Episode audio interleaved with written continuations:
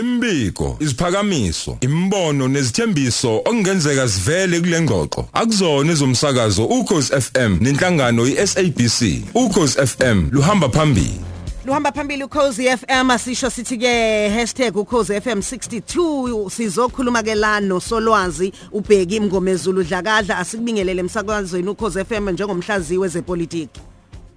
No asibingelele Mroza asibingelele kubalaleli. Eh, um, eh bekunomcimbi omkhulu wesizwe. Eh okungabanga isizwe samaZulu kuphela kodwa isizwe samanguni onke kwaba futhi isizwe seAfrica eh, sonke la wonke amehle bethe njo ebuka eh, ekhaya ukuthi ngabe ke kwenzakalani. Sibonile amakhosi eqhamuka ko Malawi eqhamuka ke ko Swatini kuphi kuphi bezile bezothamela umcimbi omkhulu. Mhlawumbe ngakusikhulu uthi nje ukungena kuona ukuthi ngabe mhlawumbe ngokubuka kwakho njengomhlaziyi eh lo mcimbi usho ukuthini kuthina nanokuthi uhambe kanjani? Eh Mroza asiqale ngokusho dadewethu ukuthi kube ngophamlando eh, okwenzeke kwakhethwa umthandayo engicabanga ukuthi la ngale ukuthi sigcile ezintweni ekade zenzeka lapha esigodlweni eh, mina into engihlaba umxhwele ukuthi intsha ikakhulukazi lena engawenza umlando ikwazile ukuthi ifundiseke ngoba khona kade bengenalo ulwazi ukuthi khona abantu abafana nomzilikazi kaMashobana abantu abafana nozwa ngendaba abantu abasuka eSouth Africa baya kwamanye amazwe. Njoba usho nje ukuthi kade khona oMalawi kukhona oSwatini kukhona oZimbabwe oDRC kukhona oAngola oZambia khona oNigeria. Leyo nto leyo itshela ngokusobala ukuthi singahlukana nje silo lezi zinto esizilwayo kodwa iqiniso lilonke siwumndeni sonke. Engicabanga ukuthi ke laba abaphethe ezemfundo bazoyibona lento esilokhu sisho ukuthi umlando awuke ufundiswe ezikoleni ngoba kwamanye amazwe noma ngabe wenza o science o BSc o BCom kodwa kuba khona isemester eyodwa lapho kudingeka khona ukuthi ufunde umlando kusuke kwenzelwa izimo ezikanje ukuthi uzigatshe ngokuba wena ngoba emva kwesigameko lesi sangempela sonto noma umcimbi wangempela sonto ngiyacabanga ukuthi khona abantu abanentshisekelo ukuthi bawufunde umlando kaZulu bawufunde umlando waseNingizimu Afrika. Okuyinto fanele ngabe kudala siqalile siyenza ikakhulukazi emva ka 1994 mm uma singabuya sibheka udaba eh ukunqakisana ngamazwi nje phakathi eh, kuka Maleme nombeki. Mhlawumbe ungathini lapho? Eh uma lema uqale olunye udaba lapha uthi eh owayemongameli eh, ubaba uThabo Mbeki usebenzisana noArthur Fraser ukuze baqhumbe phansi umengameli ophethe uCyril Ramaphosa.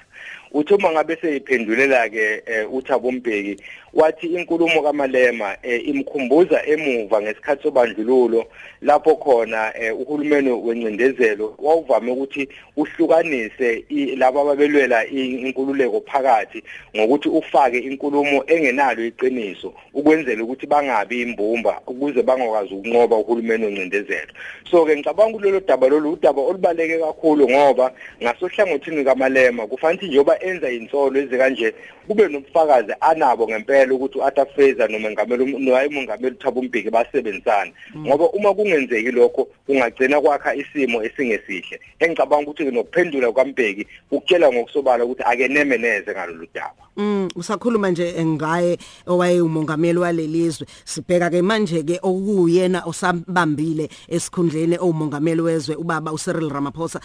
Ungakuthi ukunaba nje kancane ngesithanga msabe indaba esiyesabizwa amaqembu aphikisayo ngokuthi asuswe?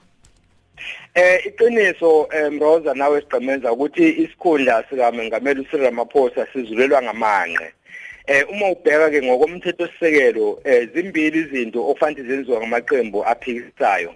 Eh okokuqala ukuthi basebenzise isigaba eh usection 102 eh u1 no2 eh noma uA no B ochazayo ukuthi uma ngabe iParliament livotele iCabinet ukuthi asale thembi umengameli uphoqelekile ukuthi ahlakaze lelo cabinet bese akha iCabinet elisha.